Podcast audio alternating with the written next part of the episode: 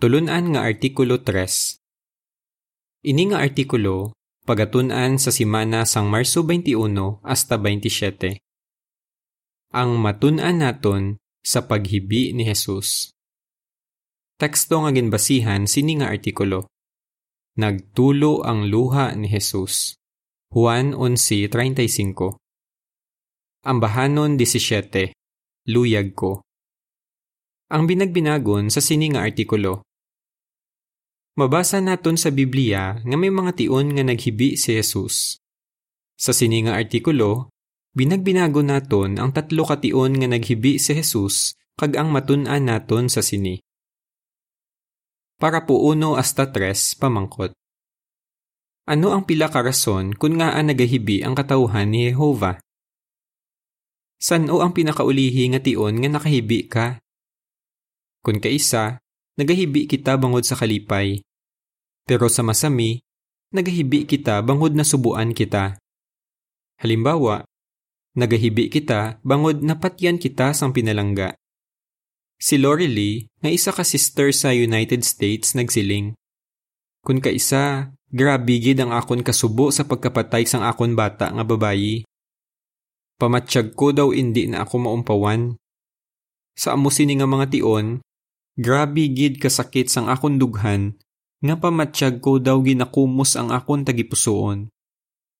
May iban pa nga mga rason kung nga nagahibi kita. Si Hiromi nga isa ka pioneer sa Japan nagsiling. Nasubuan ako kun kaisa bangod hindi interesado ang mga tawo nga akon ginabantalaan.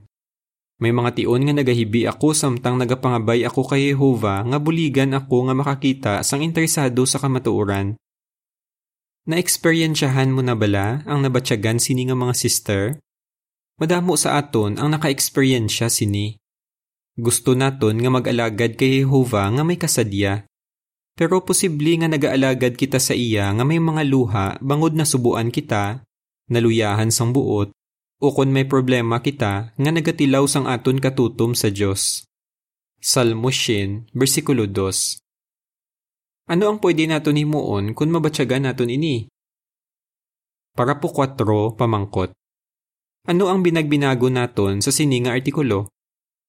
Makatuon kita sa halimbawa ni Jesus. May mga tion nga nagtulo man ang luha ni Jesus bangod sang iha na batyagan. Juan 11.35 Binagbinago naton ini nga mga tion kag ang matun-an naton sa sini. Binagbinagon man naton kung ano ang aton himuon kung maka-eksperyensya kita sa mga kabudlayan nga makapahibi sa aton. Naghibi si Jesus bangod na balaka siya sa iya mga abyan. Para po singko pamangkot. Ano ang matun-an naton parti kay Jesus sa kasaysayan sa Juan 11, 32 hasta 36? Sang tigtulog now sang 32 CE, Nagmasakit ang suod nga abyan ni Jesus nga si Lazaro kag napatay siya. Palangga gid ni Jesus si Lazaro kag ang iya mga utod nga sanday Maria kag Marta. Grabe gid ang kasubo sini nga mga babayi sang napatay ang ila utod. Sang napatay si Lazaro, naglakbay si Jesus sa lugar nga ginaistaran nanday Maria kag Marta nga amo ang Bitanya. Sang nabatian ni Marta nga nagapakadto si Jesus sa ila, nagdali-dali siya sa pagsugata sa iya. Imagine na ang iya grabe nga kasubo sang nagsiling siya. Ginoo, kunderhi ka lang, wala kun tani mapatay ang akon utod. Juan 11:21 Dayon sang nakita ni Jesus nga nagahibi si Maria kag ang iban pa, nagtulo ang iya luha. Ang Juan 11:32 hasta 36 nagasiling. Pag-abot ni Maria sa lugar diin didto si Jesus kag nakita niya siya, Naghapa siya sa iya tiilan kag nagsiling sa iya. Ginoo, kunderi ka lang, wala kun tani mapatay ang akon utod. Pagkakita ni Jesus nga nagahibi si Maria kag ang mga Hudiyo nga kaupod niya, natandugid ang tagipusuon ni Jesus kag natublag siya. Nagpamangkot siya, diin ninyo siya ginlubong. Nagsabat sila, Ginoo, kari kag tanawa, Nagtulo ang luha ni Jesus. Gani nagsiling ang mga Hudiyo. Tanawa, palangga gid niya siya. Para size pamangkot. Nga naghibi si Jesus sadto nga tion. Nga naghibi si Jesus sadto nga tion. Ang insight on the scriptures nagasiling. Bangod sang pagkapatay sang abyan ni Jesus nga si Lazaro, kag sang kasubo sang mga utod nga babayi ni Lazaro, natandugid ang tagipusuon ni Jesus kag nagtulo ang iya luha. Posible nga ginauna-huna ni Jesus ang kasakit nga nabatsyagan sang iya pinalangga nga abyan nga si Lazaro bangod sang iya balatian, kag ang ginbatsyag ni Lazaro sang narealisar niya nga indi na siya mag-ayo kag mapatay gid siya. Sigurado man nga naghibi si Jesus bangod nakita niya nga nasubuan gid sanday Maria kag Marta sa pagkapatay sang ila utod. Kung may suod ka nga abyan o kung miyembro sang imo pamilya nga napatay, Sigurado gid nga amuman sini ang imo na batsyagan. Binagbinaga ang tatlo ka leksyon nga matun-an mo sa sini nga kasaysayan. Para po siyete pamangkot. Ano ang matun-an naton parti kay Jehova sang nagibi si Jesus bangod na balaka siya sa iya mga abyan? Nahangpan ni Jehova ang imo ginabatsyag. Si Jesus ang sibo nga larawan sang iya amay. Hebreo 1.3 Sang naghibi si Jesus, ginpakita niya ang ginabatsyag sang iya amay. Kung napatyan ka sang pinalangga, makasalig ka nga nakita ni Jehova nga nasubuan ka, kag nasubuan man siya. Gusto niya paumpawan ang imo nasubuan nga tagipusoon. Para po utso pamangkot. Nga ang makasalig kita nga banhawon gid ni Jesus ang aton mga pinalangga gusto ni Jesus nga banhawon ang imo mga pinalangga. Antis maghibi si Jesus, ginsilingan niya si Marta. Ang imo utod mabanhaw. Nagpati si Marta kay Jesus. Juan 11:23 hasta 27. Bangod matutom nga alagad ni Jehova si Marta, kabalo siya nga may ginbanhaw sadto ang mga manalagna nga sanday Elias kag Eliseo kag posible gid nga nabatian niya ang mga pagbanhaw nga ginhimo ni Jesus. Makasalig ka man nga makita muliwat ang imo mga pinalangga nga napatay. Ang paghibi ni Jesus samtang ginapaumpawan niya ang iya nasubuan nga mga abyan, isa ka pa matuod nga gusto gid niya banhawon ang mga napatay. Para po nuebe pamangkot. Pareho kay Jesus, paano mo mabuligan ang mga nagapangasubo? Maghatag sing halimbawa. Buligi ang mga nagapangasubo. Magluwas nga ginupdan ni Jesus sa paghibi sanday Marta kag Maria, ginpamatian maniya sila kag ginpaumpawan. Pwede man naton inihimuon sa mga nagapangasubo. Si Dan, nga isa kagulang sa Australia, nagsiling. Sang napatay ang akon asawa, kinahanglan ko ang bulig. Madamo nga mag-asawa ang handa sa pagpamati sa akon bisan ano nga oras. Wala sila nasawahan nga nagahibi ako, kag wala nila ako ginapunggan. Ginabuligan man nila ako sa mga tion nga hindi ko mahimo ang pila kahilikoton, parehos ang pagtinlo sang akon sa lakyan, pagpanindahan, kag pagluto. Kag permi sila nagapangamuyo upod sa akon. Matuod gid sila nga mga abyan, kag mga utod nga masaligan sa tion sang kalisdanan. Hulubaton 17-17 Ari ang paathag sa mga picture nga gingamit para sa parapo 5 hasta 9. Ginpaumpawan ni Jesus sanday Maria kag Marta. Paumpawan man naton ang mga napatian sang mga pinalangga. Ang caption sini nga mga picture nagasiling. Paumpawi ang mga nagapangasubo, pareho sang ginhimo ni Jesus. Naghibi si Jesus bangod na balaka siya sa iya mga ginabantalaan. Para po Jess pamangkot. Ano ang natabo suno sa Lucas 19:36 hasta 40? Nag-abot si Jesus sa Jerusalem sang Nisan 9:33 CE. Sang malapit na siya sa syudad, nagtipon ang madamo nga tawo kaginhumlad nila ang ilang mga kunop sa dalan nga iya agyan. Ginhimo nila ini para ipakita sa iya nga ginakilala nila siya nga ilahari. Malipayon gid ang mga tawo. Ang Lucas 19:36 hasta 40 nagasiling. Samtang nagalabay siya, ginahumlad nila ang ilang mga kunop sa dalan.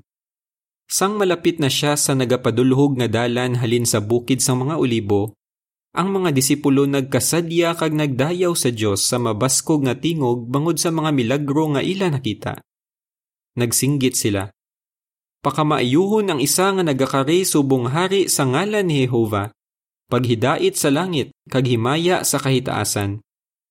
Apang, may mga fariseyo nga nagsiling sa iya. Manunudlo, paipusa ang imo mga disipulo. Apang nagsabat siya. Nagasiling ako sa inyo, kung maghipo sila, ang mga bato magasinggit.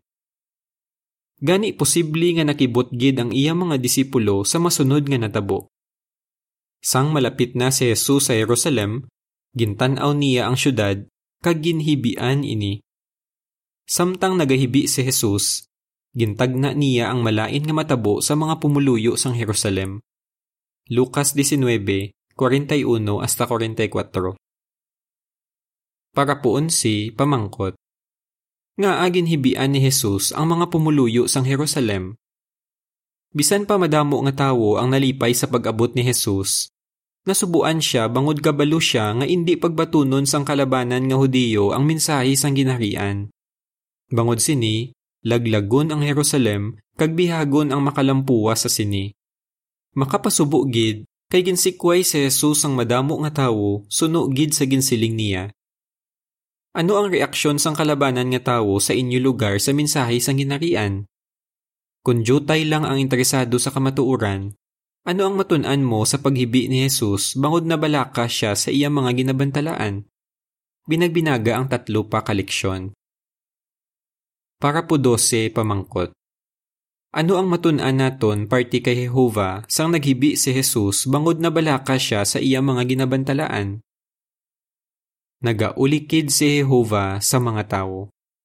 Ginapahanumdum sa aton sang paghibi ni Jesus nga nagaulikid gid si Jehova sa mga tao. Indi niya luyag nga ang bisan sino malaglag, kundi luyag niya nga ang tanan mahatagan sang kaygayunan nga maghinulsol. Ikaduhang Pedro 3.9 Subong, mapakita naton nga palangga naton ang aton mga ginabantalaan paagi sa padayon nga pagbulig sa ila nga matun-an ang party sa maayong balita. Para po 13 kag 14 pamangkot. Paano ginpakita ni Jesus nga naluoy siya sa mga tawo kag paano naton mapakita ini nga kinaiya? Ginhimo ni Jesus ang iya bugos nga masarangan sa pagbantala. Ginpakita ni Jesus nga palangga niya ang mga tawo paagi sa pagtudlo sa ila sa tanan nga kay gayunan. Ano ang nagpaligon sa iya nga himuon ini? Naluoy si Jesus sa mga tawo. May mga tion nga wala na sing kay gayunan nga magkaon si Jesus kag ang iya mga disipulo kay madamo nga tawo ang gusto mamati sa iya. Marcos 3.20 Kag sang gusto sang isa ka tawo nga istoryahon si Jesus sa gabi, nagsugod si Jesus. Ang kalabanan nga tawo nga namati kay Jesus wala niyan nangin disipulo pero tanan sila na panaksihan sing maayo. Subong, gusto naton matagan sing kay gayunan ang tanan nga mabatian ang maayong balita. Para mahimo naton ini, posible nga dapat naton baguhon ang aton mga paagi sa pagbantala. Manginhanda nga baguhon ang imo mga paagi sa pagbantala. Kung hindi naton paglain-lainon ang aton oras sa pagbantala, posible nga hindi naton mabantalaan ang mga tawo nga interesado sa maayong balita. Ang isa ka pioneer nga si Matilda nagsiling. Ginatingwaan namon sang akon bana nga lain-lainon ang amon oras sa pagbantala. Kun aga pa, nagabantala kami sa mga balaligyaan. Kun udto, nagapanaksi kami paagi sa cart kay madamo nga tawo ang ara sagwa. Pagkahapon, Nagapamalay-balay kami kay natalupang danamon nga madamo nga tawo ang ara sa ila balay. Sabay lo nga permi lang magbantala sa oras nga kombinyente sa aton. Dapat nga handa kita nga baguhon ang aton schedule para makabantala kita sa tion nga mas madamo kita nga maistorya nga mga tawo. Kunimo naton ini, malipay gid sa aton si Jehova. Ari ang paathag sa mga picture nga gingamit para sa parapo 13 kag 14. Nagsugot si Jesus nga tudluan si Nicodemo bisan gabi na. Dapat naton tudluan ang mga tawo sang Biblia sa tion nga kombinyente sa ila. Ang caption sini nga mga picture nagasiling. Manginhanda sa pagbag-o sang imo ora sa pagbantala pareho sang ginhimo ni Jesus. Naghibi si Jesus, bangod na balaka siya sa pagpakabalaan sa ngalan sang iya amay. Para po 15, pamangkot. Suno sa Lucas 22, 39 hasta 44, ano ang natabo sang gabi antes na patay si Jesus? Sang gabi sang Nisan 14, 33 CE, nagkadto si Jesus sa hardin sang Gethsemane. Sang didto na siya, ginsugid niya kay Jehova ang tanan niya nga ginabatsyag. Ang Lucas 22, 39 hasta 44 nagasiling. Paghalin niya didto, Nagkadto siya sa bukid sang mga olibo suno sa naanda niya kag nagsunod man sa iya ang iya mga disipulo. Pag-abot niya didto, nagsiling siya sa ila. Padayon kamo nga magpangamuyo agud indi kamo masulay. Nagkadto siya sa uluunhan, dayo nagluhod siya kag nagpangamuyo nga nagasiling. Amay, kun luyag mo, kuhaa sa akon ini nga kopa. Apang, hindi ang akon kabubuton ang matuman, kundi ang imo. Dayo nagpakita sa iya ang isa ka anghel halin sa langit kagin pabakod siya. Apang sa dako nga kasakit, padayon siya nga nagpangamuyo sing hanuot pagid. Kag ang iya balhas nangin kaangay sang dugo nga nagatupa sa duta. Sadto nga tion, nagampo si Jesus nga may mabaskog nga paghibi kag mga luha. Hebreo 5:7 ano ang ginpangamuyo ni Jesus sang gabi antis siya napatay? Nangamuyo siya nga hatagan siya sang kusog nga makapabilin siya nga matutom kay Jehova kag mahimo niya ang iya kabubuton. Ginpamatian ni Jehova ang tinagipusoon nga pangamuyo sang iya anak kag nagpadala siya sang anghel para pabakuron siya. Para po 16 pamangkot. Nga nasubuan gid si Jesus samtang nagapangamuyo siya sa hardin sang Getsemani. Nga nagibi si Jesus samtang nagapangamuyo siya sa hardin sang Getsemani. Sigurado gid nga nasubuan siya kay huna-hunaon sang mga tawo nga ginpasipalahan niya ang ngalan sang Dios. Kabaluman siya nga importante gid nga magpabilin siya nga matutom para mapakabalaan niya ang ngalan sang iya amay. Kung maka-experiensya ka sang problema nga magatilaw sang imo katutom kay Jehova, ano ang matunan mo sa paghibi ni Jesus? Binagbinaga ang tatlo pa ka leksyon. Para po 17 pamangkot. Ano ang matunan naton parti kay Jehova bangod ginsabat niya ang tinagipusoon nga mga pangamuyo ni Jesus? Ginapamatian ni Jehova ang imo mga pangamuyo. Ginpamatian ni Jehova ang tinakipusoon nga mga pangamuyo ni Jesus. Nga ah, bangod ang pinakaimportante kay Jesus amo ang pagpabilin nga matutom sa iya amay kag ang pagpakabalaan sa iya ngalan. Kung ang pinakaimportante sa aton amo ang pagpabilin nga matutom kay Jehova kag ang pagpakabalaan sa iya ngalan, sabton niya ang aton mga pangamuyo nga buligan kita.